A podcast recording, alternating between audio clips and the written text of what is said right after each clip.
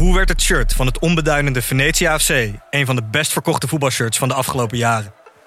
Wat is er zo geniaal aan de MLS-deal van David Beckham? En waarom vinden we het normaal dat jeugdspelers gezien worden als investeringsobjecten?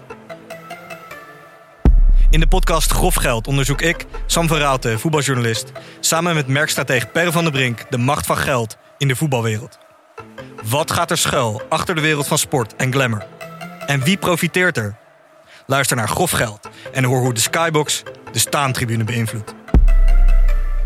Vind je deze podcast leuk? Beluister dan ook de podcast Goudspraak. Ik ben Minkeboy. Als voormalig tophockeyster weet ik hoe Olympisch goud voelt. In de openhartige podcast Goudspraak praat ik met sporticonen die straks in Parijs voor het hoogste podium gaan. Over de weg naar goud. Beluister nu de podcast Goudspraak. Nu doe jij zo schamper. Ik, ik word er echt kotsmisselijk van. Nee, maar echt, het is irritant. Ik ben blij dat Jij je met je Italië, zitten. successupport omdat je toevallig op vakantie bent in, in Italië. Rot op. And uh, there used to be a ballpark where the field was warm and green. And uh, the people played their crazy game with a joy I'd never seen. And uh, the air was such a wonder. Heren, goedemorgen, goedemiddag, goedenavond. Hangt er natuurlijk vanaf wanneer je het luistert. Ehm, ik doe altijd even een rondje hoe iedereen eruit ziet en hoe iedereen er, erbij zit. Maar laten we heel eventjes eerst gaan naar het feit dat eh, Matthijs er niet is en Frans er is. Ja, Matthijs ehm, eh, zit in quarantaine. En om redenen van privacy kan ik hier niet bekendmaken waarom hij in quarantaine zit. Maar dat hebben we toch allemaal kunnen lezen? Ja, dat, sorry. Moet je horen? Nee, maar dit zijn de gouden regels. De kranten kunnen Oh ja. schrijven wat ze willen. Maar eh, wij houden ons hier aan de privacyregels. De hartgasprocedures, hè? De hartgasprocedures. Wat ik er nog wel aan kan toevoegen. Ik zat gisteren langs de lijn te doen. En dan in de tussentijd verveel ik me wel eens bij andere sporten. En dan ga ik appen. Ehm, Bij welke sporten verveel jij je? ja, eigenlijk zit ik er eh, voornamelijk voor het voetbal. En het is eh, een wezenlijk onderdeel hoor. Maar dat wordt perfect gecoverd door Henry Schut. Het handbal. En, en het is ook een Korfbal. enorme luxe. Het veldrijden. Honkbal. Ja, ik ben wel een fan van korfbal, maar dan met middenvak. Maar wij zijn dus heel goed in korfbal. We zijn al twintig jaar wereldkampioen met Ja. Nederland. Het is Ja. ook een Nederlandse sport. Who cares? Ja, Goed. dit lijkt mij een heel slecht begin, Frank. Jij zat te appen. Ik zat te appen met eh Matthijs, die een eh, niet nader te bepalen ziekte onder de leden heeft. Het ging goed. Geen koorts, Kortademig. geen gesnotter, geen gehoest. Dus eh, we kunnen gerust zijn. Dit, dit moet een eenmalige wissel zijn. Het is niet de Engelse variant. Nee, maar nu eh, ga je al eh, toch een beetje verklappen wat hij misschien onder de leden zou kunnen hebben. Maar we waarop hij dan eventueel positief getest zou kunnen zijn. Ja, dat Ja. moeten we eigenlijk niet doen. Nee. Nee. Maar nu zit naast mij Frans Tomezen. Ja, zou je die eens willen beschrijven, eh, Frank? Hartgrasveteraan. Zeker. Nou, ik heb je even opgezocht, Frans. Eh, want ik kreeg in ons appje waar Hugo zeer stil is de afgelopen weken. eh, doordat jij inderdaad de vervanger zou zijn van Matthijs. Eh, maar ik ga je nu eerst even qua hoe je erbij zit omschrijven. Ja? Ik heb Beetje beetje hetzelfde kapsel als Henk. Ja, ja. ja. Ook in, de, qua leeftijd, dat weet ik eventjes niet. Zit je dezelfde categorie als Henk? Zit tien jaar Ik tussen. denk iets denk ik. jonger, hè? Ik hoop het wel. Dat, Ja. dat het te zien is. Dat is maar- geen fijn begin, Frank. Eh, mooie zwart vest aan, daaronder een, eh, een eh, overhemd, lichtblauw overhemd, denk ik. Ik zal het even tonen. Hemdje? Oh, ja. Absoluut. Ja, een hemdje nog daaronder, twee knoopjes open. Eh, Henk, je ziet er klassiek uit. Mooie sjaal. Mooie, mooie ja, wat, hoe noem je dat? De ruiten. Is het geen Is dat- Burberry, hè? Nee, het is geen Burberry. Schots is nee, die is Schots. Schotse Schotse ruit. ruit. Mooi jasje ook, een ribfluweel. Ja, en eh, Hugo, haren weer strak achterover. En een kruifjasje aan. Ja. In plaats van Adidas, wat je de vorige keer nog probeerde. Ja, te- ik heb eh, vele vrienden. Eh, soms krijg ik een Fred Perry. Maar eh, mijn goede vriend Ferens van der Vlies... De, de kenners eh, weten wel wie het is. Goede contacten altijd gehad met Johan Cruijff. En nog steeds met eh Danny Cruijff. Nou, hij verkoopt het Kruif kleding- en schoenenmerk. Hè? Ja, en hij is ook eh, natuurlijk van de sponsor van Sparta. Mag ik namen noemen? Tuurlijk. En de sponsor van eh, eh, Willem II en eh, FC Twente. Ehm Robij. Over sponsors gesproken, mannen. Mag ik even aandacht voor mijn t-shirt? Ik heb expres een jasje eroverheen gedaan. maar er was vanuit FC Emmen was een, eh, een actie begin van dit seizoen. Ja. Ze hadden nogal veel te doen vanwege hun shirtsponsor. Nou, jullie zien het staan. Easy Toys. Ja, de seks, eh, seksspeeltjes. Maar toen hadden ze een actie en daar heb ik me toen voor opgegeven. Ook al ben ik een ajax vond ik dit zo'n leuk shirt. En ik hou wel van het controversiële van eh seksspeeltjes. Althans het merk op je, op je borst. Met Heb als je- rugnummer. Heb je ze zelf ook? Of? 69, ja, dat is een inkoppertje. Speciaal voor jullie aangedaan voor deze ja, het eh, legt Emmen nog geen windeieren. Hè? Gaat niet goed met Emmen. Vijf gelijke spelen. Hm. Eh, Frans verdient iets meer eh eh, Hoe heet Frans van zijn achternaam eigenlijk? Tomezen. Ja, klopt. Met een accent Egu. aigu op de E. Maar Frans, eh, zijn laatste roman heet Vaderliefde. Hij is bekend van de romancyclus rondom J. Kessels. Eh, is talloze keren genomineerd voor En gewonnen. litera- literaire prijzen. Toch ook gewonnen. En ook, gewonnen. De Meer genomineerd dan gewonnen. Ik Meer genomineerd lief- dan gewonnen. ja. Want je bent de afgelopen jaren volgens mij voor onderwaterzwemmer... ben je wel drie keer genomineerd. Ja. Voor alle grote literaire Maar prijzen. Frans, Een soort Joop Zoetemelk van de... nou, Frans wacht, wacht, tweede. wacht even. Ik ga terug in de tijd. Ik doe mijn ogen dicht. Ik zie een aflevering van Sonja Barend. De Sonja Goed Nieuws Show. Of Sonja op zaterdag. En ik zie een wandeltocht. En jij wint een prijs. Ja. Een literatuurprijs. Wat was dat ook alweer? Dat was de ACO-prijs. En dat was niet Sonja, maar dat was Maartje van Wegen. Maatje wel wegen. Die Oh. heeft later nog bij mij de afwas gedaan. Want die vond het heel zorgelijk dat ik zo in uh, kommervolle omstandigheden leefde. Hè, dit moet je even uitleggen. Wacht even. Maar ik, ik, ik had een klein huisje gehuurd om rustig te kunnen werken. Maar daar kwam het toch niet zo van. Die rust eh, is heel slecht. Kan ik ook niemand aanbevelen. Rust voor schrijven. Dus ik lag daar eh, meestal mijn roes uit te slapen. En op, op een dag kwam Maartje van Wegen. Om, ik was een van de belangrijkste figuren van dat jaar, volgens haar. En, eh, en maar die, die- kwam... maar die zag dus de troep waar ik in leefde. Want ik, ik kwam niet zo vaak op tv, moet ik zeggen. Dus ik had er geen rekening mee gehouden, bewust, dat er ook een camera zou komen. Oh ja, want de genomineerden krijgen natuurlijk altijd in een actualiteitenprogramma aandacht. Of was het echt de Daarna- uitreiking ik van de had hem al prijs? gehad, die prijs. Maar ja. daarna werd er teruggekeken op dat jaar. En ik was eh, een hoogtepunt, zou ik maar zeggen. Wel een belangrijk detail. Kwam Joop ook mee, haar man? Joop eh, had Easy Toys bij zich. Nee, die was nee, ergens anders, denk ik. Maar dat was toen, ik weet niet of dat nog steeds is, maar toen had hij Maar- de naam dat hij... eh, Maar hing er nog iets van een eh, spannend avontuur in de lucht? Want Maartje van Wegen, zeer aantrekkelijke vrouw. Nou, niet ter- als zo iemand dan de afwas gaat lopen doen voor een in haar ogen deerniswekkende figuur, denk ik niet dat je aan erotische kap, eh nou, laat Frans maar escapades even antwoord denken. geven of er iets in de lucht hing. ik, ik was me er in ieder geval niet van bewust. terwijl, eh, maar dat ko- komt wel vaker voor, maar dan gebeurt het toch. Maar dat is, eh, zoals mijn ouders zeiden, als je heel veel van iemand houdt, dan eh, springt er soms een zaadje over. Maar dat eh, heb ik in ieder geval niks van gemerkt. Maar het, eh, nee, ik, heb, ik vond het wel een gezellige middag, moet ik zeggen. Maar het is wel echt een schoolvoorbeeld van participerende journalistiek. Dat zij bij jou de afwas gaat lopen doen. Dus Ja. echt, dat, is, dat hoor je niet vaak. Nee, maar het was de eerste keer dat de presentator bij mij over de vloer kwam. Dus ik vond het eigenlijk wel normaal eigenlijk. het. Is een goed begin, eh, Ja. Frans. En eh, qua affiniteit met voetbal? En ben je, ben je voor een bepaalde club heel erg, of heb je ergens heel veel verstand van? Of wat vind je het mooiste aan het spel? Ja, het, is mijn hele leven eigenlijk. Ik, ik, ik denk dat, zoals veel jongens, word je als voetballer geboren eigenlijk. En Ja. eh, helaas groeide ik niet als voetballer op. Ik, eh, ik was toch een gymnasiumjongen. Ik was toch eh, wat theoretisch ingesteld voor, voor het echte gevecht op de, op de mat. Dus ik, ik beleef het nu vanaf de bank en soms... Maar omschrijf jezelf eens als voetballer. Dat hebben wij in het nabij verleden ook gedaan. ergens in Hartgras 1 of 2. Wat voor soort voetballer was je? Nou ja, ik zat op een club die eh, uit, uit de competitie is genomen. Dat, eh, Wegens? Knokken? knokken, eh, financieel wanbeheer, eh, weet ik het allemaal niet. Dus het... eh, Hoe heette die club? VV Olympia in Zaltbommel. En wij voetbalden altijd eh, tegen andere boeren in het rivierengebied. Dus het hele Bijbelbelt eh bestreed ik. Ik En, ben zeer onder de indruk van je, Frans. Echt. maar ik wil ook even weten of je meevocht. ja. Vocht jij mee? Nou, ik was altijd vrij groot voor mijn leeftijd. Dus ik, ik, Je moest wel. ik, ging, ik, ik ging zeg maar niet opzij. Dus het, eh, maar het, een beetje, ja, zoals eh, jij misschien ook. eh, Nee, ik, ik, ik, nee, ik veroorzaakte altijd vechtpartijen en dan trok ik me strategisch terug. Dat, Ah, was, dat ja. was de lol wel, soms. Ja. En waar Nee. stond je op het veld, Frans?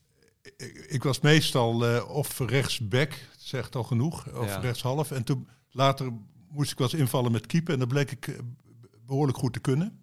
Tenminste, alle, ik in alle bescheidenheid. En toen ben ik eh, gaan keepen. En toen kwam ik altijd een elftal eh, hoger terecht. En toen ging ik wel dromen van het Nederlands elftal. En eh, mijn held was, eh, hoewel ik Ajax-fan ben, was E- Eddie PG. Dat vond ik een hele stijlvolle, mooie keeper. Was die ook, ja. En eh, dat, dat was mijn ideaal. En hij was ook niet zo groot. En ik was natuurlijk ook als jongen. Natuurlijk ook niet, eh, kon ik ook niet bij de lat, net zoals Eddie PG. Dus het Maar eh, Eddie Pieter Schaafland is bij Ajax begonnen, hè? is een echte En Amsterdam. waar werd hij Ja. groot dan? Feyenoord. Feyenoord. Hij won de Europa Cup. Hij zou niet spelen, maar Ernst Happel in 1970, die was zo ontevreden over Eddie Treitel, die het hele seizoen had gekiept. Er was een wedstrijd, Ajax-Feyenoord, en die eindigde volgens mij gelijk 3-3. 3-3 En in de waren meer. twee fouten van eh Eddie Treitel. En die haalde die Eddie Treitel uit het doel en eh, gooide die oude Eddie Pieter Schraafland voor de Europa Cup 1 finale erin. Was Heb je dat 40, hè? was 39 of 40. Ja. In andere Ja. tijden is het, is het naar voren Ja. gekomen ook. Ja, wat, wat ook zo leuk was, die Eddie PG, die heeft een, een enorm archief achtergelaten van kleurenfilmpjes. Die ging namelijk, als hij bij het Nederlands elftal zat, en waarschijnlijk ook met Ajax en Feyenoord, maakte die altijd van die reizen eh, prachtige 8 mm filmpjes. En eh Mattie Verkamman, die heeft die hele collectie eh, gekopieerd. En ehm, dus je ziet bijvoorbeeld in de jaren v- 50 of 60 een reis naar Albanië, wat natuurlijk een eh, derde wereldland eerste klas was. En hij draaide dan ja, de beelden. Zit jij nou op je horloge te kijken? Ja, om- te weten hoe ver we zijn. Begint dit te trekken, dit Nee, verhaal over. Eddie PG? Nee, Ik, had ben er nog niet eens aan toegekomen Nou. dat 2020 een meedogenloos jaar was.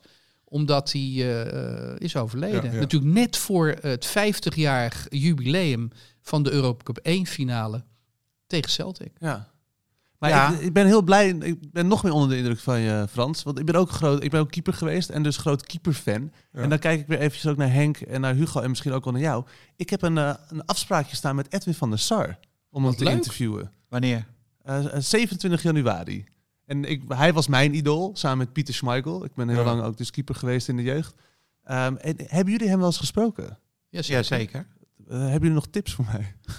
Nou, ik wou je sterkte wensen. Want ik wil eigenlijk mijn idool niet ontmoeten. Want Dat vind ik, dat vind ik, we hebben het de vorige keer over gehad. Hè, over hoe ik naar voetballers kijk. Is voor jullie wat is jullie werk. Ik, wat ik met muzikanten heb, spreek ik veel. En, en bekende Nederlanders. Maar bij voetballers is voor mij echt. oh. Is het voor de radio? Nee, voor tv, voor YouTube. Maar je wens besterkte, Hugo. Nou, er wordt gezegd dat hij wat saaiig is. Eh, ik, ik denk dat jij daar wel doorheen kan breken. Eh, misschien is een leuke vraag. Ik kwam hem een keer tegen op eh, Art Rotterdam. Heel verrassend was hij met zijn vrouw. Hele goede kunst aan het bekijken. Had ik niet achter hem gezocht. Nee. Dus Maar volgens mij zit er veel meer achter hem dan de saaie keeper en Ajax-directeur. Nou ja, kijk, er is wel iets scheef. Hij was natuurlijk een geweldige keeper. En als tv-persoonlijkheid, als sprekende pop, valt hij een beetje tegen. Daar heeft hij niet de allure van de keeper, Edwin van der Sar, toch, Frans? Nee, zeker niet. Want hij was als keeper natuurlijk heel, heel eh, vo- voetbalachtig. Hè? Hij, hij kapte nog wel eens een mannetje uit. En, Ja. eh, Frivol bijna. en als eh, directeur vind ik hem wel heel... eh, ja, eh, Formeel. ja, Hij brak eigenlijk door met die eh, rel in het Feyenoordstadion, bekerfinale tegen PEC. Toen de Ajax-supporters vuurwerk op het veld gooiden. En toen is hij uit zijn stoel in dolle woede gelopen Ja. en heeft hij die eh, gasten uitgescholden. Dat was sterk. kappen met die shit, hè? riep hij geloof Ja. ik. ja. Wat, Dat- wel, ja. Dat was een goed eh, optreden. Wat wel zo is, dat het, zo, als eh, keepers heb je twee soorten. Of ze zijn volkomen nerveuze wrakken die eh, hè, voortdurend onheil veroorzaken en verwarring. Of het zijn ijskonijnen, dode dienders. Hè. Dus dat was van de SAR. Die, die, die mensen blijven rustig, terwijl iedereen gek wordt. Dat zie je Hij heeft dat... dat eh, Onana heeft dat ook. Die kan nog eens rustig hè, een ma- mannetje uitspelen. eh, hè, iemand heel dichtbij laten komen. Twee spelers Ja. dichtbij laten komen. En hij vertrekt geen spier, terwijl je zelf eh, de Alleen in- krijgt thuis. Alleen in het Ja. begin, hè, de, de, de 93, 94, toen brak hij door. En toen ging het, e- dreigde het eventjes mis te gaan in de Europa Cup wedstrijd. Dat hij eh, in de fout ging? Dat herinner ik me niet. Ik Ja. weet wel dat hij na de transfer heeft hij een slechte periode in Italië gehad. Ja, Ja, toen uiteindelijk via Fulham is het goed gekomen Ja. met hem. Maar hij, eh, ik weet nog heel goed, er was een eh, afstandsschot van eh Di Biagio, Di Biagio zou kunnen. En er zat een, eh, dat was zo'n zwabberbal. Oh ja. En die ging er gewoon in, vlak naast hem. Dat was echt gênant. En dat was in zijn Ajax-periode nog? Of in nee, dat was eh, toen hij bij- op de goal bij Juventus. Die kochten onmiddellijk Buffon toen. Ja. Nou, Maar dat je ziet in geen- Italië spelen ze natuurlijk dichter bij de goal. Dus die keepers zijn altijd lijnkeepers. Eh, ja, en hij was natuurlijk... bij Manchester kon hij veel meer eh, het hele Nou ja, strafschopgebied beheersen. precies. En onder Van Gaal ook. Ja, bij Ajax. En misschien kunnen we meteen een link maken naar jouw verhaal, eh, Hugo. Want het gaat over het Ajax van 95. Edgar David staat hier in centraal. Maar hij was natuurlijk de keeper van dat elftal. Ja. Ehm, en wat een, wat een heerlijk verhaal weer. Wat ben je dichtbij ze? Het is eh, 2005. Mag ik even aandacht vragen voor de jingle? Tuurlijk. Ja, tuurlijk Henk. Uit de schatkamers van Hartgras. Laat me horen.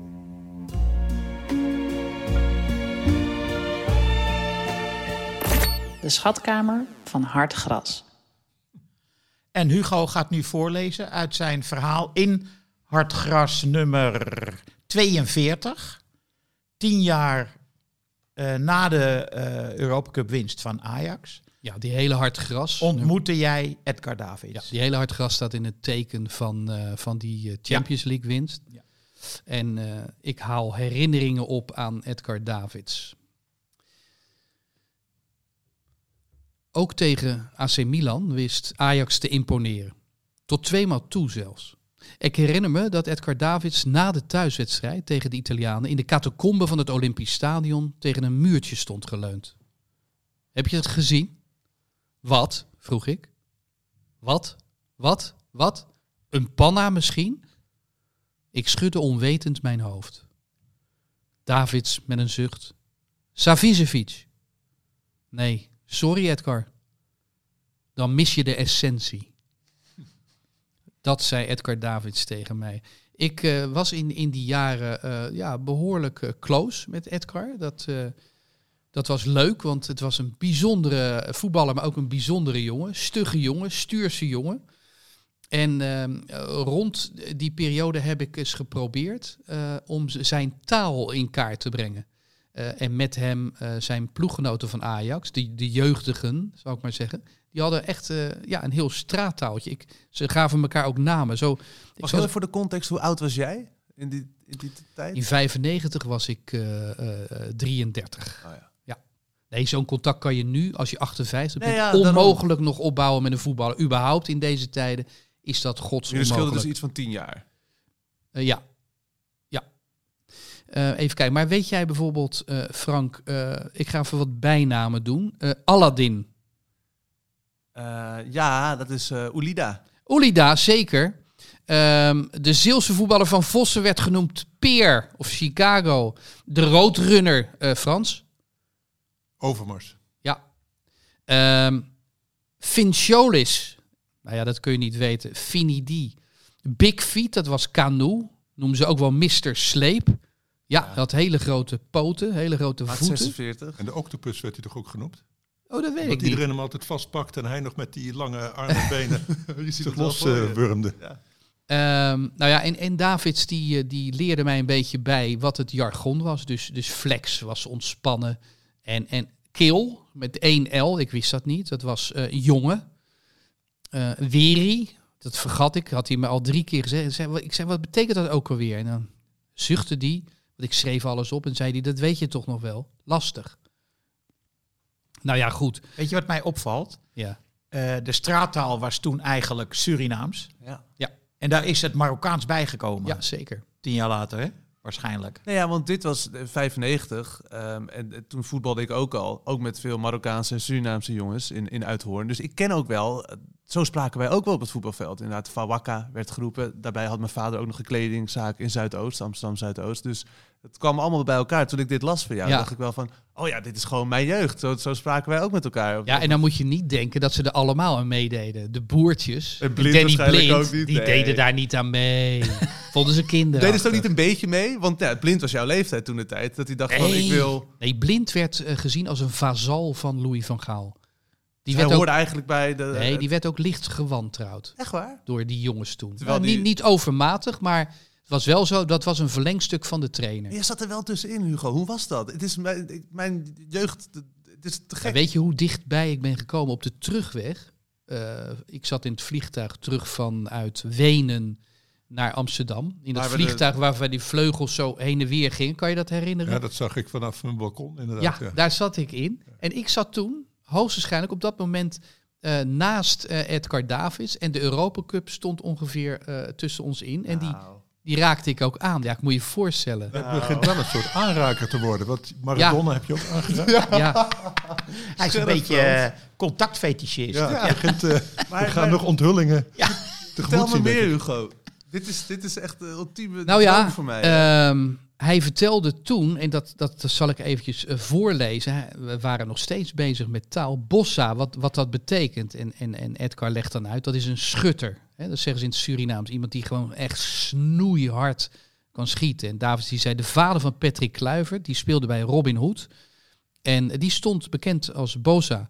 En toen zei ik natuurlijk, hè, recent was dat doelpunt gemaakt eh, van, van Kluivert, een dag eerder. Ik zei dus, die noemen ze Patrick, nu noemen ze van nu, nu ook Boza. En toen zei ik, eh, David zuchtend, ja, dat was een heel hard schot, Hugo. Dat was een puntetje. oh, maar wat goed. Maar je, waarom was je dan met David zo goed? Want er waren wel, wel 17 spelers die er toen deden in 95. nou, ik was ook goed met, met eh, de boertjes in die tijd. Met, eh, ik, ik ben zelfs op vakantie geweest in 1989 in de zomer met Ronald en Frank de Boer. Brian Roy, die was er ook nog bij. Ja, ja. Ik was in eh Juan Le Pen. En eh, ja, dat was hartstikke leuk. Die jongens van dichtbij eh, Was er voetvolley? volgen. Eh, nou, dat, dat, dat is later, is dat, dat heb ik daar ontdekt. En toen heb Ja. ik dat met jou en Harry eh, Ja. besproken. En daar is ooit dat voetvolley toernooi Ja. vandaan gekomen. Maar die boertjes waren daar onwaarschijnlijk goed in. Ja, die wonnen ook alles. niet dat was ook op normaal. tv Die werden uit elkaar gehaald. Ja, ja was op tv. Dat hele competities zijn er hebben wij gedaan, geweest. ja. dat ken ik nog wel. Ja, nee, maar het is heel leuk om, om als je van die, van die leeftijd bent, om met die jongens te verkeren. Want ehm, ja, je zit er gewoon hartstikke dicht bovenop. En je kan er natuurlijk niet aan tippen. Zo is het mij nooit vergund geweest om een Rolex te kunnen dragen. Die jongens hadden allemaal Breitlings en Rolexen. En daar kijk je dan naar. Ik zal niet zeggen met een zekere afgunst. Maar je wist wel, zij spelen toch in het leven een, een, in een andere league dan ik. Maar het is wel leuk om er naar te Wat kijken. heb, wat heb je nu om je pols? Alleen een armbandje. Oh, geen, eh, geen eh, horloge. Nou, ik heb hem afgedaan. Ik had van mijn broer een horloge gekregen. Eh, maar dat piept op het hele uur. Dus ik, om dat nou te voorkomen, doe ik in uitzendingen langs de lijn of hier doe ik dat horloge altijd af. Trouwens, heel actueel, hè? Ajax 10 jaar later. We hebben waarschijnlijk allemaal de andere tijden sport wel gezien. Van Ajax 25 jaar later. Ook over de Champions League, maar ook over de Wereldcup. Waar ook Edgar Davids in zit. Die weer uit de school, nou niet uit de school klapt, maar vertelt hoe het ging. Ik heb gekeken, Hoe vond je eh, het? niet al te lang. Ik vond het eh, eerlijk gezegd, wil niet eh oncollegiaal lijken, maar ik vond het een beetje schools van opzet. Je zag een pratend hoofd, Ja. er kwam er een fragment, ander pratend hoofd, weer een fragment. Er waren geen nieuwe inzichten, we wisten het eigenlijk allemaal al. Dus ik vond bijvoorbeeld, eh, ze hebben in dezelfde tijd rond de jaarwisseling een eh, ander programma gemaakt, de NOS, Studiosport. Eh, hoe heet het ook alweer, Hugo? Hoog gemist publiek. Ja, Zelfde redactie, ook van andere tijden sport. dat vond ik echt heel Geweldig. erg Of een wielrenpubliek, hè? Ging dat toch? Nee, nee, nee. Nee, Nee, nee, nee. Ook- was sport in het algemeen. Zat, ook, zat, zat voornamelijk voetbal in, maar ook andere sporten. Ja. Oh, Nee, daar dat- heb ik de wielren... dat- Want onze eh, het, het Trujillo zat er natuurlijk ja. in. Hè? Maar dat vond ik echt een heel goed programma. En eh, dat was inventief, eh, nog nooit gedaan, weet je wel. Ja, heel Ik- origineel. ik Mooie vond- beelden. Dit, dit, dit, dit programma was een beetje, ja, zoals de, soms de NOS wel, wel meer van dat soort docu's heeft. Open deuren. Nou ja, eh, het is een bepaald stramien. Eh, een quote, een beeld. Een quote, een beeld. Een qua- eh, weet je? Ja. Heb jij het gezien? Nee, nee. dus ik weet niet waar het Nou, je hoeft het ook niet te gaan zien. Nee, maar je- weet je wat het ook is? Die, die Champions League winnen was vele malen interessanter dan die wereldbeker winnen, Ja. vind ik. Ik zal even een stukje voorlezen. Wij hebben, ik, normaliter doe ik een gedicht en dan komt er eerst een jingle van het eh, gedicht. Ja, als we oplettende technicus hebben, wel natuurlijk.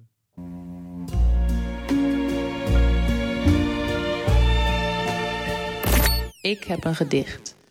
Het is eh, niet een echt gedicht. Wij hebben in elke hartgras staan er kolompjes van Nico Kroese. En die eh, citeert eigenlijk denkbeeldige figuren. Maar die zijn heel erg naar waarheid eh, genoteerd. Het zijn hele korte zinnetjes.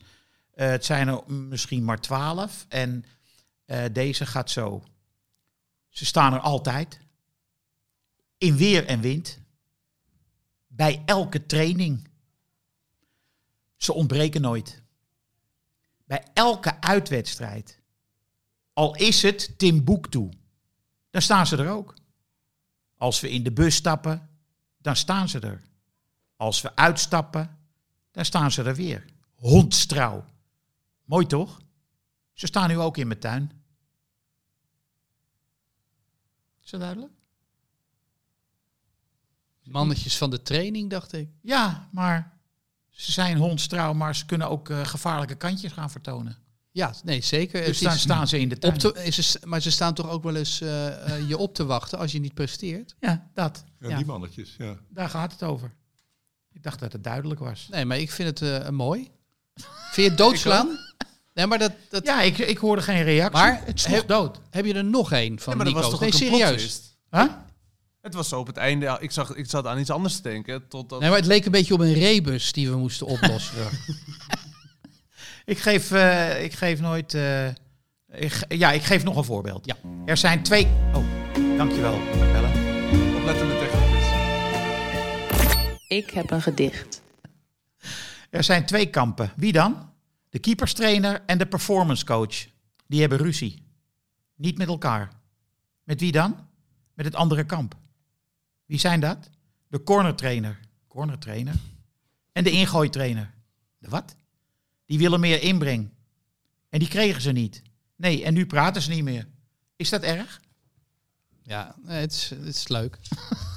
Nee, het is echt goed. Het is Ja. goed. Ja. Ja. Maar je, het is niet dat je een schaterlach Nee. eh, uitlokt. Maar Nee, het is goed. Het is subtiel. Ja. Ja. Maar dat heb ik ook bijvoorbeeld als ik eh, Joep van het Hek kijk. Ja. Dan schiet ik niet heel hard in de lach. Maar Nee. ik vind het wel goed. Ja. Maar, niet, maar niet subtiel weer. Nee, dat is Nee, niet subtiel. subtiel. Nee, dat is waar. Hoe was zijn oudejaarsconferentie? Ik vond het goed. Ik heb het nu helemaal gemist. Ik heb het ook Goed. niet gezien. Ik ook niet. Ik, Nou, dan moeten jullie maar op mijn... eh, Ik zat daar BBC 2 eh, te kijken naar Angus Dayton. Die eh, had een programma met eh, fragmenten van mensen die later heel beroemd werden. En eh, waarvan ze nog videofragmenten en filmfragmenten hadden gevonden. Je zag bijvoorbeeld Wayne Rooney in een schoolvoorstelling als eh, lid van het koor. Dat soort dingetjes. Kon hij een beetje zingen? Eh, ja, het was massaal, dus eh, kan hij, iedereen hij- zingen. hij sprong er niet bovenuit. Nee. als je nou tegen mij had gezegd, je had eh, beelden opgedoken dat hij als zesjarige al aan het boksen was, nee. dan had ik het Nee. geloofd. Hij heeft echt een bokserskop, hè? ja. Maar Engelsen kunnen altijd zingen volgens mij. Want als je Liverpool luistert, niemand zingt vals. Zo'n heel stadion zingt houd toch toon. Ook, Ja. ook overleden in 2020. Wayne Rooney? Nee, Derek en de Domino's. Nee, Nee. Marston. Of, ja, je bedoelt- Gary ja. Marston, dat is de enige in pacemaker. Liverpool die wel vals Gary en de zong. Pacemaker. Nee. Clapton is nog niet dood. Derek en de Domino's. Nee, Garrick en, eh, Gary en de Pacemakers. bedoel Ja. Ja. Eh, hoeveel verhalen heb jij in Hartgras geschreven? Ik heb daar geen administratie van. Eh, het zijn er toch wel een hoop. Wat, weet je nog wat jouw eerste verhaal was?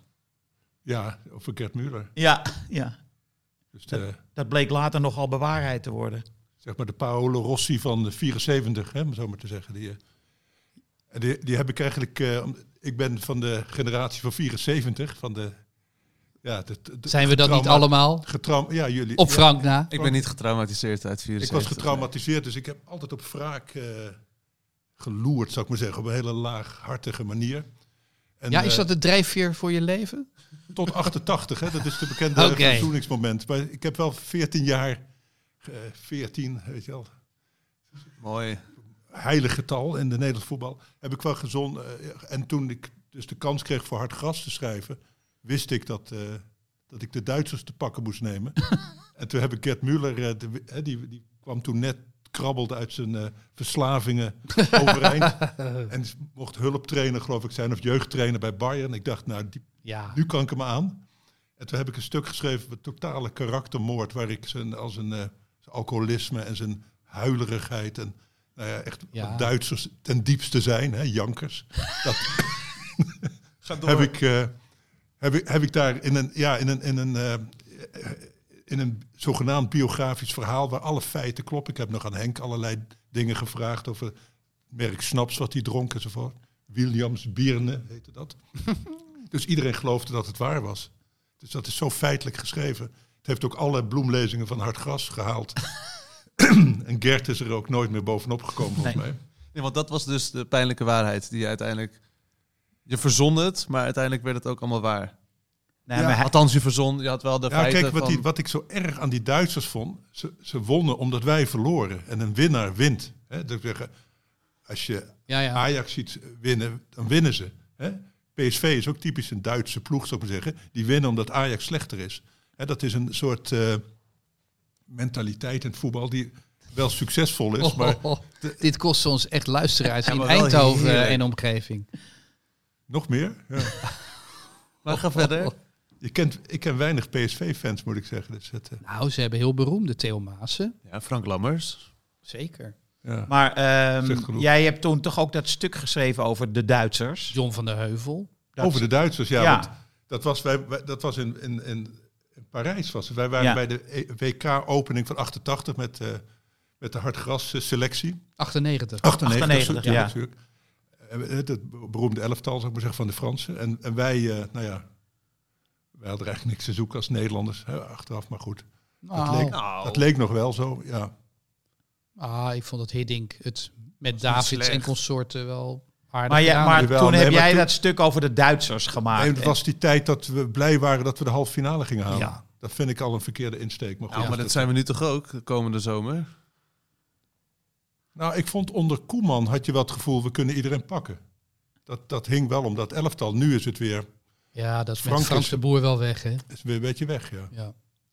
Maar hoe fijn is het Frans eh, dat je de geschiedenis als schrijver eh, kunt herschrijven en manipuleren. En dat je ook en passant je wraaklust ook nog kwijt kan. Dat moet heerlijk zijn.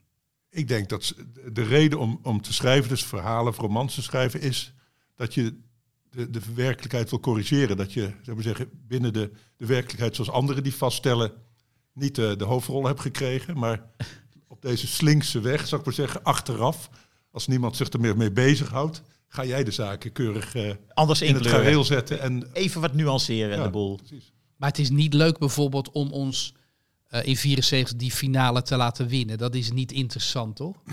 Zover kun je niet gaan, maar je kunt wel zou ik zeggen, de mentaliteit veranderen. Door, hebben, we gaan het daar nog hebben, geloof ik, over het WK van 82. Eh, vaak zijn de ploegen die niet winnen de, de feitelijke winnaars. Hè, dus de 82 is dat duidelijk dat Brazilië de, de winnaar was, zou ik maar zeggen. Ja. Dus het elftal van Socrates en Chico, dat was natuurlijk het, een van de allermooiste elftallen aller tijden. Hetzelfde geldt voor 74. Ik denk dat het elftal van 74 heeft het voetbal veranderd. Dat Duitse elftal heeft niemand het meer over. Nee. En niemand heeft over Hulsenbein of over Bertie Voogd. Daar hoor je nooit iemand Nee. over. Een type à la Bertie Voogd hoor je nooit meer. Maar type à la Ja, tenzij als belediging. als belediging als, of als middelmatigheid of zoiets. Nee, de Duitsers hebben eigenlijk pas jaren later, 30, 40 jaar later, in 2014, hebben ze zich mogen toe-eigenen dat ze ook de schoonheidsprijs Met, met Gutsen, kregen. onder andere. Dat is ook een van de allermooiste, dat moet ik toegeven, PSV, een van de allermooiste elftallen eh, ooit. Ja. Dat vi- eh, 2014. Ja, Vooral die wedstrijd tegen Brazilië, hè, dat is natuurlijk eh, Ja. 7-1. of wat is het? zeven. Ja, zeven. Ja, volgens mij wel. Ze hebben er nog eentje gemaakt, denk ik. Hè? Ja. Eretreffer. Maar over eh, Brazilië gesproken, want ik heb het WK van 82 minder meegemaakt dan jullie. Eh, ik heb wel het, het, het artikel gelezen voor in de nieuwe Hartgras, die, eh, die uitkomt en eigenlijk bijna helemaal in teken staat. Althans, de koffer van Rossi. Dat Ja. was de man van dat WK. Maar de Brazilianen gingen er in de halve finale uit. Man, ik Nee, kwart. Kwartfinale. Kwartfinale. ik heb gehuild. Echt, ik heb echt gehuild en ik was al twintig jaar.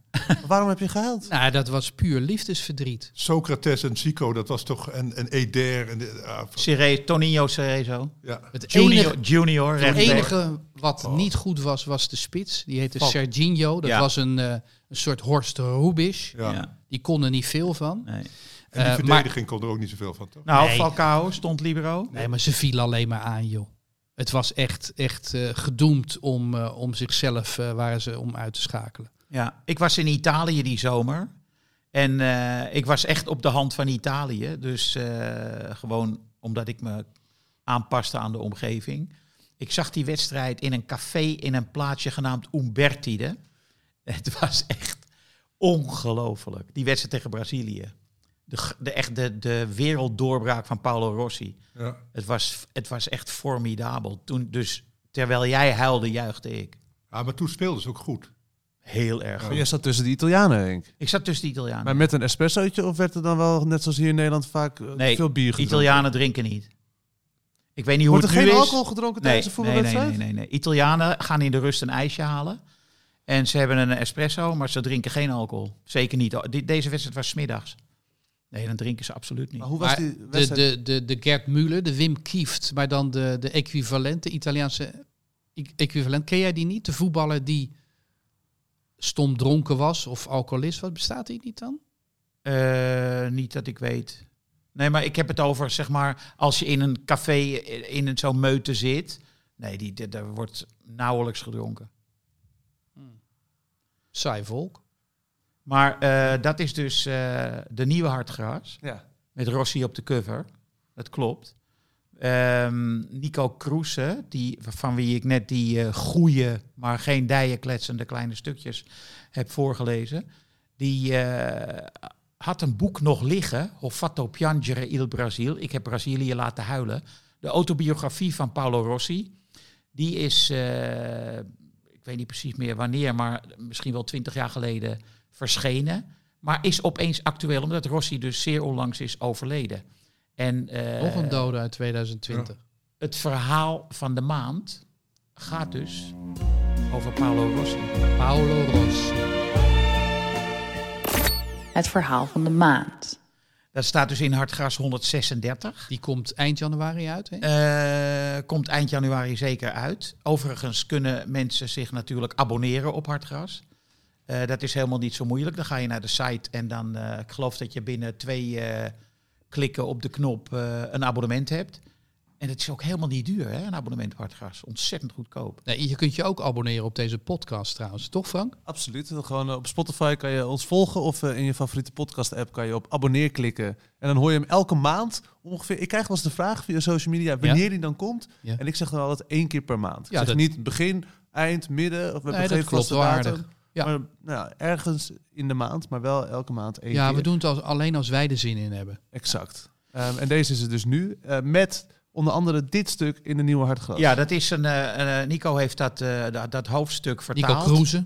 Nico Kroese Van die leuke kleine stukjes Ja. waar we zo hard heeft dat hoofdstuk vertaald. En eh, het geeft, ik ga een klein stukje voorlezen, het geeft een ongelooflijk goed inzicht in eh, de vergankelijkheid van roem. Maar Rossi kan dat ook heel goed onder woorden brengen. Hij eerst schetst hij dan eh, hoe eh, de coach, Bearzot, ehm wordt verguisd in de eerste drie wedstrijden van dat toernooi. Ze noemden hem ook in Italië La Chimia, de aap. Hè? En eh, ja, ja. Ze speelden namelijk een heel slechte pool met drie gelijke spelen. En in de kwartfinale of achtste finale kwamen ze tegen Argentinië, speelden heel goed. En in één keer sloeg de stemming in Italië dus om. En hetzelfde geldt gold voor Rossi.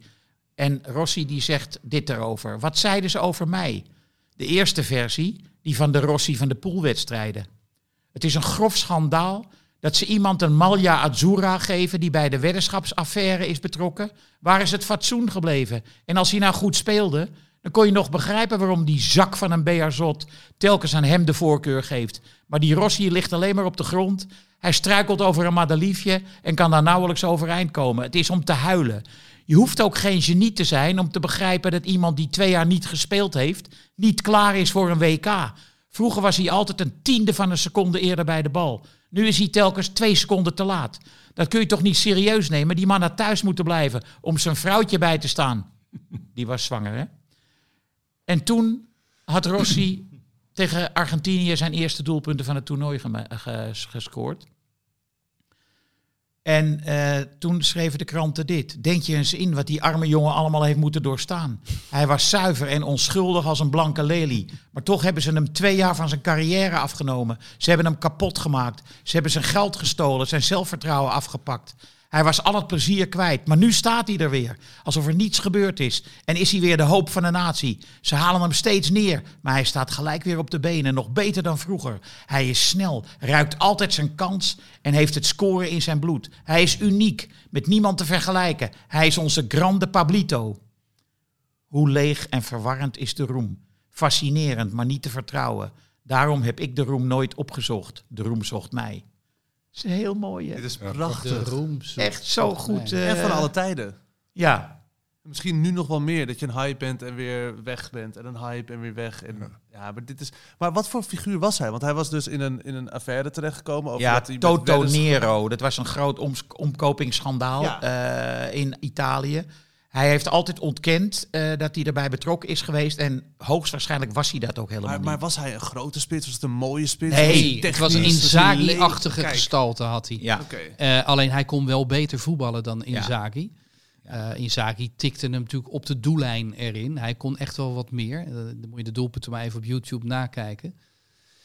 Ja, en verder, hij is toch meer van jouw generatie dan de mij. Jij keek toen echt wel Serie A al. Hè? Dat was Zeker. natuurlijk, dat was op dat moment kon je dat nog niet in Nee. Nederland zien rond eh, 1982. ja ik las... eh, nou, eh, de NOS heeft een tijdje Serie A uitgezonden. Nee, dat was 1988. Is dat later? Toen onze Nederlanders daar gingen voetballen. Ja. Ja. Oh ja. Nee, ik, eh, je had Zico bij Udinese. Je had eh, Falcao bij Roma. Je had uh, Toninho Cerezo bij Roma. En Rossi, eh, ja, die, eh, dat was de spits eerst van... En Altobelli, en Altobelli. Spijker. Of weet het, ja. Mooie spits. Goeie spits. Maar Rossi was een eh, heel snelle spits, maar hij reageerde verschrikkelijk snel. Hij was niet te houden door voorstoppers, liep daarbij weg. Hij, En- hij speelde op de rand van buitenspel ja, altijd. en je kan zeggen intikkers, maar eh, hij maakte zich altijd heel goed los van de verdediging. Nou ja, Malen. Malen is misschien iets sneller, Technischer ook toch, denk ik. Maar sneller vooral, denk ik. Hij Ik meer- weet niet of hij dat hakje... Kun jij nog herinneren die wedstrijd? Ajax-PSV 2-2. De opening, de topper. De Des- opening van destijds, hè, ja. 2021. Kun jij nog herinneren dat hakje van Malen... waarin die Zahavi lanceert? Dat had Rossi niet gegeven. Eh, durf ik te betwijfelen, maar eh, Malen... eh, kijk, het voetbal is veel sneller. Eh, als je dat Bra- Brazilië waar jij om moest huilen nu zou terugkijken, dan is het statisch. Want eh, Socrates had de bal hè, met zijn reizige gestalte. eh, dribbelde mm, in een niet al te hoog Nu tempo. doe jij zo schamper. Ik, ik word er echt kotsmisselijk van. Nee, maar het echt, het is irritant. Ik ben blij dat Jij met je Italië, zitten. successupport omdat je toevallig op vakantie bent in, in Italië. Rot op. Nee, als je gaat zeggen dat dat droomelftal eh, eh, statisch voetbalde, Maar wel trager. dan heb ik nog even, dan wil ik je buiten eh, Nou. bij die lantaarnpaal even zien en gaan we vechten. Kijk, ze hadden eh, gelukkig, bleef Brazilië aanvallen. Ongelooflijk dom. dat. Waardoor, waardoor eh, Italië kon toeslaan. Ajax in die befaamde wedstrijd, die 2-2 die een Toen, tijd geleden is ja. gespeeld is, toen aan het begin van eh, 2021, was wel zo verstandig om op zeker moment niet zoals Brazilië te gaan opereren. Maar eh, de laatste 10 minuten, kwartier van de wedstrijd tegen PSV, gingen ze ook een beetje terug, hè? Ze, Ja. bleven, ze bleven Maar je niet wilt toch niet zeggen dat Brazilië van 82 een type Klaassen miste? Zou ze Nee. ook niet willen, Nee, ver nee, willen gaan, toch? nee, dat wil ik niet zeggen. Nee. nee. Maar even terug naar Rossi nog, voordat jullie echt ruzie gaan maken. Ehm, hij speelde dus tegen eh, Brazilië. Dat, daar scoorde hij Drie keer. Drie keer. Drie keer. drie keer. En hij werd uiteindelijk topscorer van, het, van dat Zes WK. goals. Ja, Ja, Hij werd beste de beste- voetballer van best- Europa. maar Best- dat, dat is, het is een beetje een, de opstanding van hem, toch? Zoals ik het lees in het artikel. Van, hij Ja, was er dat- twee jaar uit geweest Comeback. bijna. Comeback. Ja. Ja, de wederopstanding. Ja. Ja, En- nee, dat was zijn hoogtepunt. En daarna is het ook nooit meer Klaar, beter toch? geworden. Hij is vader geworden. Zo van gaat zijn- dat, ja. Hij had een zoontje, want zijn vrouw was in verwachting inderdaad. Ja. En alles kwam in één keer, zei hij. Ja. Ook in het Ja. artikel. In die drie maanden kwam alles eigenlijk weer goed. Ja. Ja. Kreeg een soort van terugbetaald van het leven. Ja. En maar daarna was het ook klaar. Want waar speelde hij bij welk, bij welk Juve. elftal? Juventus. Juventus, ja. En dan heeft hij nog een jaar op kunnen teren en toen was het eigenlijk Nee, klaar. niet een jaar nog, wel wat langer. Maar eh, Als Italiaan ging je ook niet naar het buitenland, hè? het is niet Nooit? zo dat je dan in het buitenland ging voetballen. Nee, dat maar gebeurde even, niet. eh, eh, om, jij hebt hem daarnet met Inzaghi vergeleken. Maar eh, Rossi werd wel speler van het jaar, hè? Nee, de gestalte van Inzaghi. Oh. Want hij eh, was niet alleen de beste speler van het toernooi uitgeroepen. Topscorer van het toernooi in 82. Maar werd ook eh, voetballer van het jaar. Dus het was, hij was beter dan je nu... eh, Want hij had ook nog de landstitel gepakt, toch? Met Juventus. Ja. Hetzelfde had trouwens kunnen gebeuren vier jaar later, als Italië wereldkampioen was geworden in 86. Met, eh, of in 90 met Schilacci, Toto Schilacci. ja, maar Want ja. die, die maakte er volgens mij ook vijf of zes. Ja, een beetje, heel klein beetje gedrogeerd, denk ik. Skilacci. Ken je die ogen nog? Ik denk niet van de espresso. Ehm, ik weet het niet. Die speelde voor het vaderland hoor. Ja, ik vond dat hele elftal, dat was toch... Ik heb een oefenwedstrijd gezien toen in Perugia. eh, in de aanloop van naar het WK. Tegen Turkije, meen ik. En ze speelden niet, ze waren niet vooruit te branden, die Italianen. Die hadden een trainingskamp erop zitten. En het was een hele lauwe eh, ploeg. Toen hebben ze de, de belangrijkste wielerdokter van dat moment hebben ze erbij gehaald. En vanaf de eerste wedstrijd in het toernooi was Italië niet te stuiten. Henk, Henk we leven in tijden van complottheorieën. Ja, Je bent een verstandige man. ik heb gewoon goed mijn ogen de kost gegeven. En ik dacht, hier is iets niet helemaal in de haak. Henk, dit kan uit de hand lopen. het is de tijd van fake news. Frans, advocaat? Frans, kom op. Corrigeer eventjes je, je, je oudere ehm, Net wou- iets oudere leeftijdsgenoot. leeftijdsgenoten. Nee, Frans, zeg even iets over. Dit is toch. nou, ik wil, Nou ja. z- ik wil zeggen dat elftal van 90 was natuurlijk AC Milan, eh, hofleverancier denk ik. Ik weet het niet meer precies. Was dat niet meer? ik weet denk het. niet. Baresi, Denk Bandini het, en denk eh, het. Ja, noem het maar op. Hè. Gentile. Nee, maar ik, ik wil vooral eh, dat iemand iets zegt over deze gevaarlijke tijden van fake news, jongens. Nou ja, Ik Italiaanse vind dat Henk eigenlijk van Twitter af moet als hij zoiets Nee! doet. Hij is heel druk op Twitter. Hij is heel Ik druk. krijg heel veel complimenten van vrienden die Twitter volgen. Hij heeft Jack van Gelder laatst eh, de les Ja, gelezen. maar hij geeft iedereen onder eh, echt een veeg uit de pan. Ja, hoor. ga ermee stoppen. Nee, Henk. Kondig je... Nee, nee, Waar ging dat ook alweer over met Jack van Gelder? Nee, ja, laat zitten. Maar ik moet Henk wel bijvallen. In die tijd was het nemen van een lijntje, zou ik maar zeggen, door Maradona ook wel populair. Hè? Usance. Ik weet, ik, ik kom uit eh, de Rivierenland. Ik, mijn eerste club waar ik ging kijken was FC Den Bosch. Wat veel ook verklaart over eh, waar ik nu ben. Maar goed. maar Oh geval- ja, nou weet ik het weer. Jij hebt achter de Sliert gestaan. Ja, ja. de Sliert van de Vliert. ja, ja. Eh, Vertel dat nog Van de. Dat is, Pluim? dat is een fijn verhaal. Hans van der Pluim, ja. Ja. Ik- ik- Oh ja, dat was het, ja. Help me, ik breek heel even, help me even. eh, de Vliert, het was het oude stadion van FC Den Bosch met zo'n sintelbaan eromheen. Waar ik ook altijd met school moest hardlopen. En je zat heel ver van het veld. En eh, er was sowieso al natuurlijk niet zoveel aan aan FC Den Bosch. En ik ging eigenlijk alleen omdat ze dat jaar gepromoveerd waren. In 1970 denk ik dat het was. Vanuit de eerste divisie. En ik ging om, eigenlijk om al die tegenstanders te bekijken. Kon ik eindelijk het grote Ajax, het grote Feyenoord. Het grote Sparta toen met... eh, Hans Eikenbroek. als Eikenbroek als ster. En eh, grote ADO, was ook een grote club toen. Om die te, die te bekijken. En de beste plek was om achter het doel van de Bos te staan. Want dan zag je ze heel dichtbij altijd. En dat was eigenlijk voorbehouden. Dichtbij met een Sintelbaan ertussen. Ja, en dan moest, Nee, nee, nee. je moest er Hij- overheen. en Hij dan was ging- echt op achter het doel. Ik ging achter het doel staan. Hoe Want, dat? want eh, dat werd altijd toegekend aan jongetjes Oh. die bij amateurclubs. Den Bosch bestond uit drie amateurclubs. Die, hè, die verenigingen eh, namen deel in die stichting die het was. En dan hoefde je niet in een rolstoel jongens te mocht- zitten of zo. Nee, maar die jongens mochten altijd ballen, ballenjongens oh, zijn. oké. Maar die hadden nooit een Den Bosch shirtje of zo aan. Dus ik, ik ging gewoon, als ik zag dat er een, eh, hè, eh, laat ik zeggen, een beetje bij de hekken stond, dan riep ik hem en dan klom, hielp hij me eroverheen. En dan ging ik eh, achter, het doel, eh, achter het doel staan en deed net of ik erbij hoorde. En eh, zo heb ik eh, menige topper, zo maar zeggen, van Hanegem, Kruif, Piet Keizer, echt op Nou ja, ik kon ze ruiken, zou ik maar zeggen. Dat eh, was niet al te prettig. Maar Niet aanraken? Nee, ik herinner me vooral het getrappel in dat, de, de grond, zoals paarden eh, Ja. in galop. eh, dat getrappel van die, van die sterke kerels. En het gesnuif en het eh gescheld. En, weet ik wat. Gerochel. En, en De geblokte snot en bal. de snot die ze wegschoten. Ja. schoten. En jij zag dus dat van de zo'n pluim... kopbal die dan zo keihard op zo'n kop ketste. En dan, En dan zag jij daar hoe Van der Pluim moest vissen. Ja, en dan hadden we toch wel een soort verstandhouding. Zou ik. Oogcontact. Jij ook als keeper. Hij Ik, als kreeg- ik keeper. had altijd heel erg met hem te doen. En hij dacht dat ik een fan van hem was. Maar, Want eventjes, wacht. eh, maar Den Bosch had wel een paar goede spelers. Eh, Kees Krijg, Eve Mulders. Die later naar PSV. PSV, gingen. Allebei, ja. Allebei. en eh, Henk, Hans van der Pluim, kan jij die nog eventjes Zeker. schetsen? Wat voor soort keeper? Lange, Lang, ja. lang. Het was niet van Gunsven. Dat was later die extreem lange keeper... die vooral bekend is geworden door de omhaal van Van Basten. Ja, dat is van Grinsven. Van Grinsven. Die Ja. ging, het het was dat ik bij Ajax in het stadion. Toen kan ik me herinneren dat Van Grinsven klappend... De keeper die werd gepasseerd door de omhaal van Van Basten ging klappen voor Marco. Nou, het, het, het was een van de meest heilige momenten die ik ooit heb meegemaakt in het voetbal. Het viel even stil.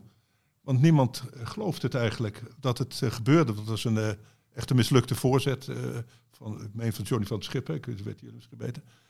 Van Schip of Wouters? Ik weet niet Ja, zo'n fameuze afzwaaier in ieder geval. Waar Ajax altijd bekend op stond. Van, sinds Wim Suurbier, slechte voorzetter van rechts. Maar in ieder geval, de, eh, Marco die nam hem toen eh, in de bicicletta. En, die, en zo hoog en zo sierlijk.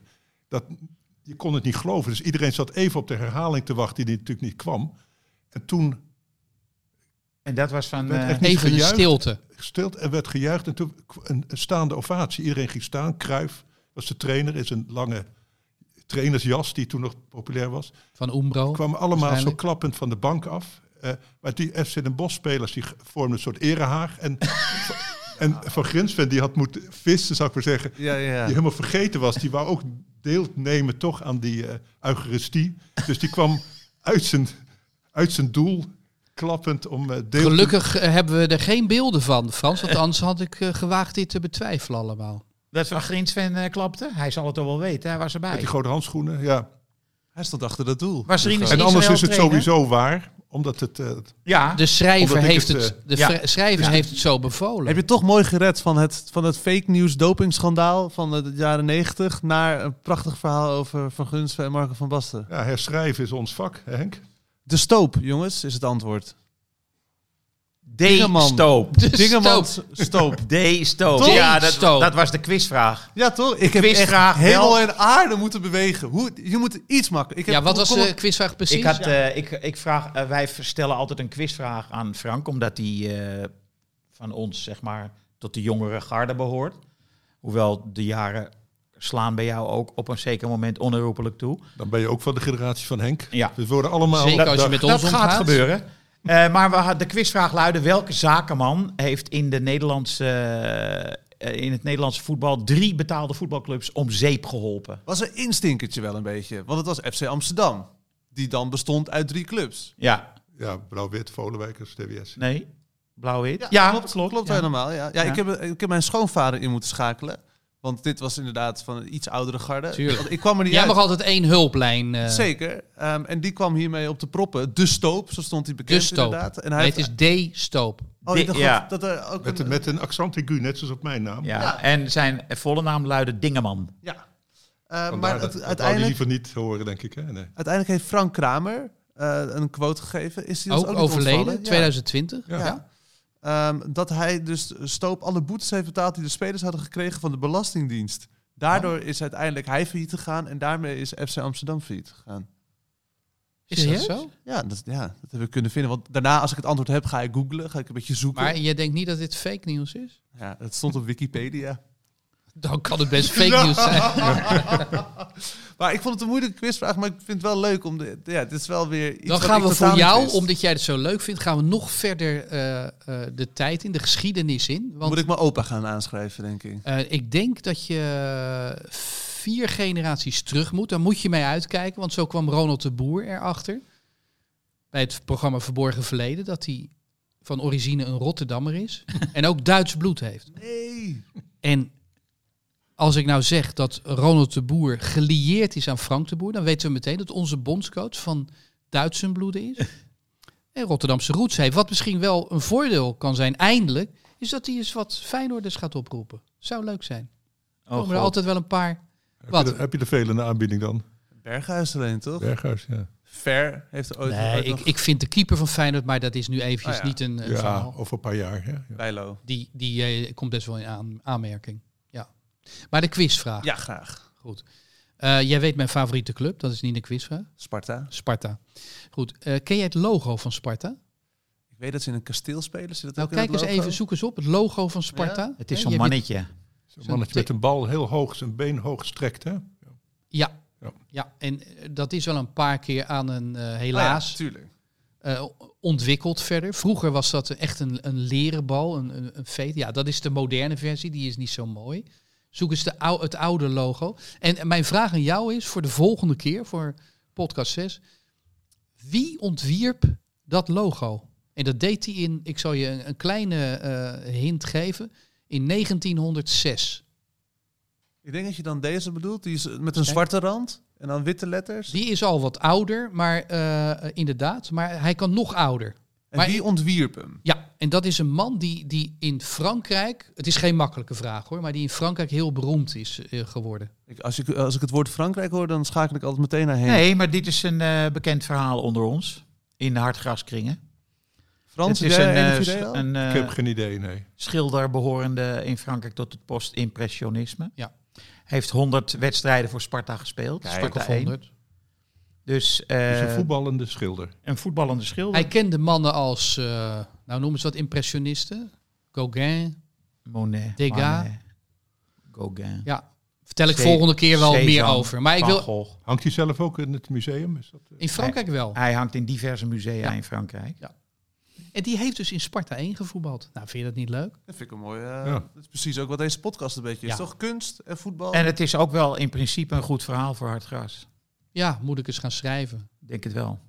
Moeten wij het nog heel even terugkomen op Twitter hebben over eh, dat wij niet kunnen genomen of niet kunnen winnen wat betreft de radioring met de nieuwe afdeling ja, er podcast. is, er is zo'n... Wij zijn niet opgenomen, Hugo. Waarom niet? Ja, Wij waren toch genomineerd in de Nee, er categorie zijn, cult. er zijn twee van die podcastprijzen. Die ene is van de NPO, geloof ik. Ja. Daar staan wij niet bij. En die andere is van, eh, is, gaat over voetbalpodcasts. Daar staan we wel bij onder het chapiter cult. Maar ja, eh, het was zo verschrikkelijk moeilijk om je daarvoor eh, op te geven. Want voordat, je dan op er, voordat er op ons dan gestemd zou mogen worden, moet je zelf eerst drie andere podcasts nomineren in drie verschillende categorieën. was dat met die radioring? Nee, dat- nee, nee, nee, nee. Dit Ah, was met oké. de voetbalpot. Maar goed, jongens, hey, who cares? Nee joh, we willen helemaal geen prijs, heel rot op. Wat heb je Maar- eraan, Frans? Maar dan ook niks. nog. Ik ben ook liever nog genomineerd onder- en dat die ander maar die prijs Ja, krijgt. ja, Ja. ja. Heb ik veel liever. Ja, zeker. Al die rotzooi die je ervan Met krijgt. welk boek was dat nou, Frans? Dat helemaal in 1990 of zo? Zuidland. Zuidland. Zuidland, een verhalenbundel notabene. Ongelooflijk, hè? Ja, Een er verhalenbundel. Nee, maar verhalenbundels die, die winnen toch nooit? Nee, en ik was debutant. Dat gebeurt ook eigenlijk nooit. De enige andere die dat heeft, hebben ze nooit meer wat van gehoord. Dus het is een wonder dat ik hier nog... eh, Nou, nu zit je hier inderdaad. En word je tien jaar ouder Ja. geschat. Ja. Ja, sorry. Frans, ik dat wil komt je door- wel... Komt door mijn eerbiedwaardigheid. ik begrijp het wel. Het is, eh, jij bent eh, eh, mede beroemd vanwege eh, jouw romanpersonage J. Kessels. ja. Ehm, kun je nog even één fijne voetbalanekdote over J. Kessels eh, te berden brengen? Ja, eh voetbal over. Jawel, NAC. Ja, sowieso. J. Kessels is een Tilburger en die is een eh, Willem, eh, Willem II eh, supporter. En eh, Dan heeft hij, zwa- dan heeft hij het zwaar momenteel. Had hij niet gescout? Of was dat die vriend van J. Kessels? Die, die Chinees heeft gescout in Ja. eh, België. die, die had een Japanner op de kop getikt. Ja, ja, voor weinig. ja voor weinig de, geld. Hij heeft hij op de brommer naar de training gebracht. Ja. maar goed, daar heb ik ook in Hartgas volgens mij over geschreven. Maar- Maar één lekkere, lekkere, sappige J. Kessels anekdote. Hoeft niet eens voetbal gelieerd te zijn.